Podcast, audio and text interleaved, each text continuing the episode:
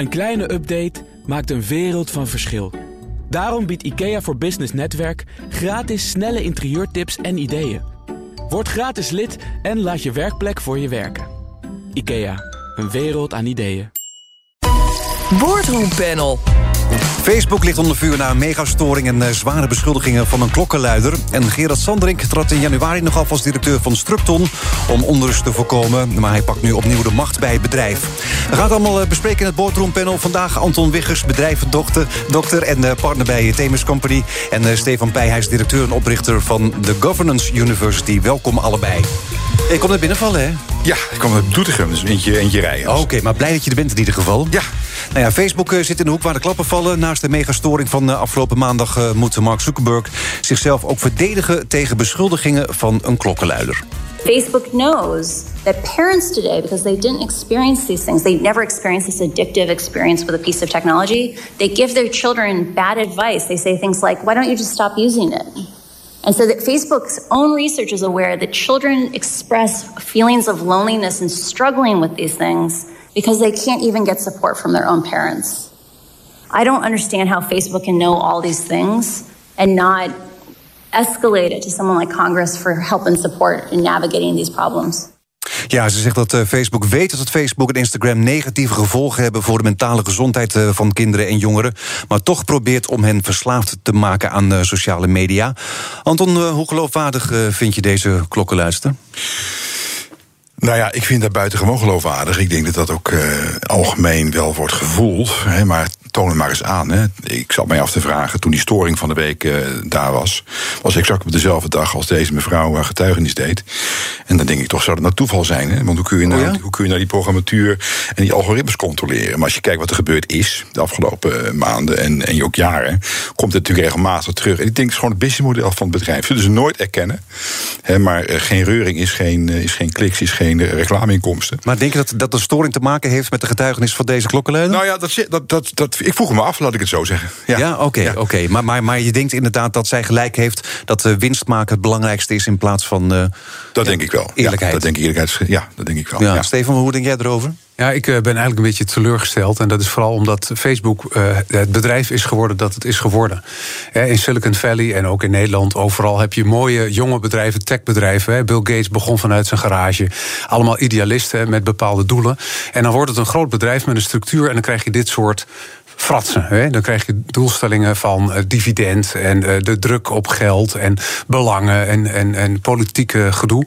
En dan kan ik me voorstellen dat iemand met relatief weinig macht de klok moet luiden om dan nog een zaak ter discussie te stellen. Mm -hmm. Dus het komt bij mij, moet ik wel zeggen, een beetje over als een verdachtmakingstheorie, zoals die, zoals die wordt ge geluid, die klok. Hoe bedoel je? Nou, in de zin van met niet al te veel bewijsvoering wordt er toch al een hele stevige uh, zaak van gemaakt. Mm -hmm. En uh, ik vind ook terecht dat mensen kritisch zijn. Want je moet ook zeker de invloed van Facebook, Instagram en dergelijke steeds kritisch blijven benadrukken. Ook richting benaderen richting kinderen en dergelijke heel voorzichtig mee zijn.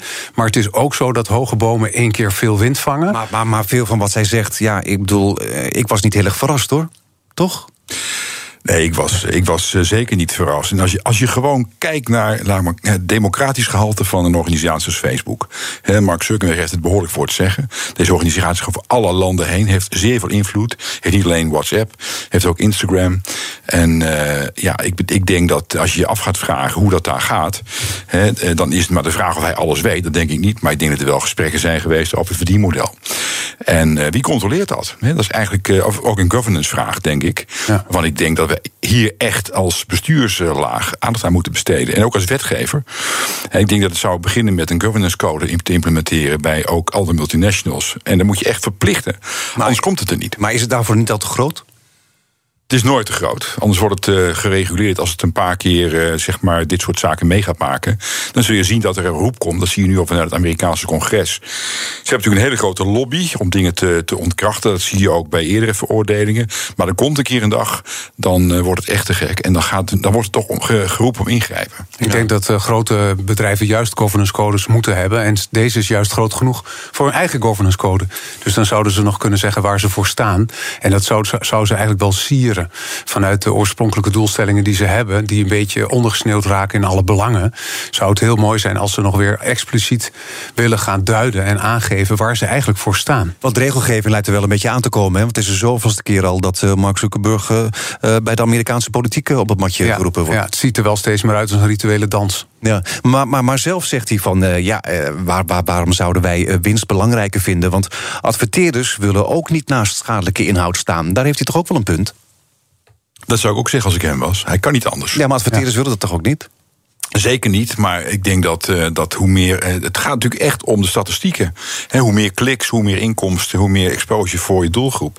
En dat wordt in feite. Dus, dat, het blijft het businessmodel van, van ja. het bedrijf. Dus ja, en waar je focus, dat ga je ook krijgen. En natuurlijk zul je het nooit kunnen bewijzen. En dat is het probleem van deze materie. Je kunt het nooit bewijzen. Dan zou je de programmatuur en de algoritme moeten gaan analyseren. Nou, mm. dat lijkt me al lastig genoeg. En één storing, en je bent daar historie kwijt, zoals we deze week hebben kunnen zien, dan kun je nooit meer controleren. Nee. Het is ook een beetje een smoesje hoor, denk ik, dat uh, verhaal. Want uh, je zegt het zelf al, de, de, adverteerders willen dit niet. Ja, ja. ik denk dat uh, Facebook zelf moet bepalen waar ze voor staan. Nou ja, zij zeggen daar zelf al, wij doen al heel veel om die schadelijke inhoud, om die haatzaai, de berichten, het allemaal te verwijderen. Ja. Dat moeten ze ook zeggen. Ja. ja. maar is het überhaupt mogelijk als je kijkt naar hoeveel mensen op wereldwijd Facebook gebruiken? Ik, denk dat het zeker mogelijk is. Ze doen hun best wel hoor, denk ik, daarvoor. Maar er zitten ook belangen. En uh, dus ze doen hun best om dat te doen binnen de verwachtingen die in de maatschappij leven. En dat is wat anders dan het commerciële belang van het bedrijf zelf. En daar gaat deze discussie over. Die is wat mij betreft daarom ook veel breder dan alleen de Facebook-affaire. Ja. Zouden ze gezweet hebben de afgelopen week met inderdaad die storing en uh, met deze klokkenleider?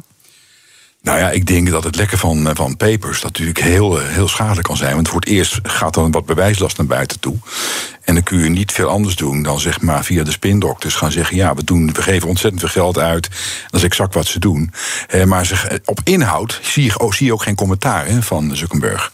Dus het gaat puur om zeg maar, het voorkomen van de politiek, het algemene beeld. Eh, maar als je, gaat, nou, als je kijkt naar de inhoud, zie ik daar nog geen enkel commentaar op terugkomen. Dus ja, dat geeft ook toch een. Uh, in ieder geval, het geeft in ieder geval de verkeerde indruk. Ja. Ze zullen zichzelf echt moeten heruitvinden om dit weer op de rails te krijgen. Anders krijg je bedrijven uit andere landen, bijvoorbeeld China, die uh, social media gaan starten, die wel uh, de dienst gaan uitmaken. Dus ik denk dat dit echt serieuze bedreiging wordt voor Facebook. Maar ja, in, uh, bedrijven in China die zijn ook nog minder met privacy en dat soort dingen bezig. Ja, klopt. Maar Facebook. goed, die worden ook minder gehinderd. Dus door de regelgeving die, die Facebook steeds meer krijgt. Ja. En terecht. Want dus ik zeg niet dat ze het daar beter doen. Maar ik zeg wel dat ze meer ruimte krijgen om hun bedrijfsmodel uit te rollen. Ja, nou ja, Facebook heeft natuurlijk meerdere schandalen gehad. Cambridge in het, in het verleden. Nu moeten ze zich weer verantwoorden. Maar ondertussen lijken de gebruikers zich nergens druk over te maken. Want afgelopen maandagavond was iedereen toch wereldwijd een beetje verslag af. Omdat ze niet konden Facebook. Ja, ik, ik niet trouwens hoor. Maar omdat ze niet konden Facebooken of Instagrammen. En de meeste mensen vonden misschien WhatsApp nog wel het ergste. Ja, dat zijn natuurlijk dingen die jij beschrijft. Dat zijn de leuke dingetjes. Maar als je kijkt naar de verdachtmakingen die zijn geweest, ook in Myanmar, is een schandaal geweest. Er zijn echt doden bijgevallen. Ja, en dan de hebben opgehitst daar En dan, ja. dan wordt het natuurlijk een ander verhaal. En uh, ik vind dat uh, natuurlijk hè, de, de gebruikers zoals uh, jij en ik, nou, wij doen niet zoveel schadelijks of iets van grote importantie. Maar als je het in de politiek gaat gebruiken en zeg maar daar beweging op kunt gaan genereren, of vijandschap kunt, ge kunt genereren en daar waarbij doden vallen, dan wordt het wel een andere kwestie. Dan wordt het strafrecht. Ja. Maar jullie zeggen dus allebei er moet een code of governance komen... of er moeten reguleringen zouden moeten komen. Hoe zou dat eruit moeten zien dan? Nou ja, het zou, het zou, ze, het zou ze denk ik zien als ze vrijwillig mee zou, zouden beginnen... en zich aansluiten bij de reguliere governance codes. want dat is ook uh, uh, comply, als je kunt. Het is ook geen verplichting op dit moment. Het is een vrijwillige uh, uitnodiging, laat ik het maar zo zeggen. En het gaat op termijn naar een verplichting toe, denk ik. Maar als je kijkt naar jaarverslaggeving, als je kijkt naar regels over wettelijke kaders, dan zie je steeds meer op wereldniveau geregeld worden. He, misschien op verschillende continenten weer verschillende invullingen. Maar ik denk wel dat we deze kant op zullen moeten. Ja, maar zou dat voor Facebook voldoende zijn? Of moet er dan echt wetgeving voorkomen dat het echt verplicht is? Ja, ik denk dat het een mooie suggestie is voor een eerste stap, want het zou kunnen werken. Dus als je een goede governance code, de oudste komt al uit de 30 jaren van de vorige eeuw, de GE Way. Terwijl General Electric al zo'n code voor zichzelf zichzelf. Gaat het eigenlijk om dat je vanuit je missie je waarde opschrijft en dan je manier van handelen en daar aangesproken op kunnen worden. Als dat werkt, is dat fantastisch. Nou is het zo dat de Amerikanen niet een geweldig track record hebben op dat gebied. In Engeland, in Nederland hebben we echt comply or explain codes die goed worden nageleefd, waardoor we de wetgeving kunnen beperken. Mhm. Maar in de Verenigde Staten zijn ze nooit zo heel erg van soft law als dit. Dus de effectiviteit uh, zou nog wel eens beperkt kunnen zijn. Maar ik zou, als ik uh, Facebook was, toch heel snel de poging wagen. Ja, maar goed, als dan toch voor een bedrijf als Facebook de winst belangrijker is, dan zullen ze zich misschien ook niet zo aan dat soort codes houden, toch? Dat zullen ze nooit zo zeggen. Nee, maar uh, ondertussen kunnen ze het wel niet doen. Ja, nee, maar daarom, ik denk dat er ook een, een, een, beweging op gang zou kunnen komen bij hun eigen gebruikers. En misschien met adverteerders.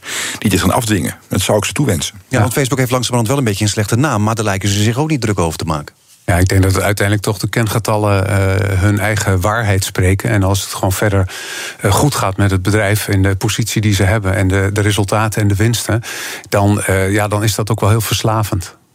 Ja, maar dan zou er niks veranderen dus. Nee, en dat is dus waar ik eigenlijk mee begon. Facebook is dat bedrijf geworden. En dat is waarom ik me teleurgesteld voel. Nou ja, ik denk dat uiteindelijk zal de wetgeving moeten komen. Dat is on, dus, uh, onontkoombaar. Oké, okay, dank jullie wel. Zaken doen. Ja, Het inrichten van je eigen zaak is best wel wat werk. Daarom biedt IKEA voor Business Netwerk 50% korting op interieuradvies. Word gratis lid en laat je werkplek voor je werken. IKEA, een wereld aan ideeën.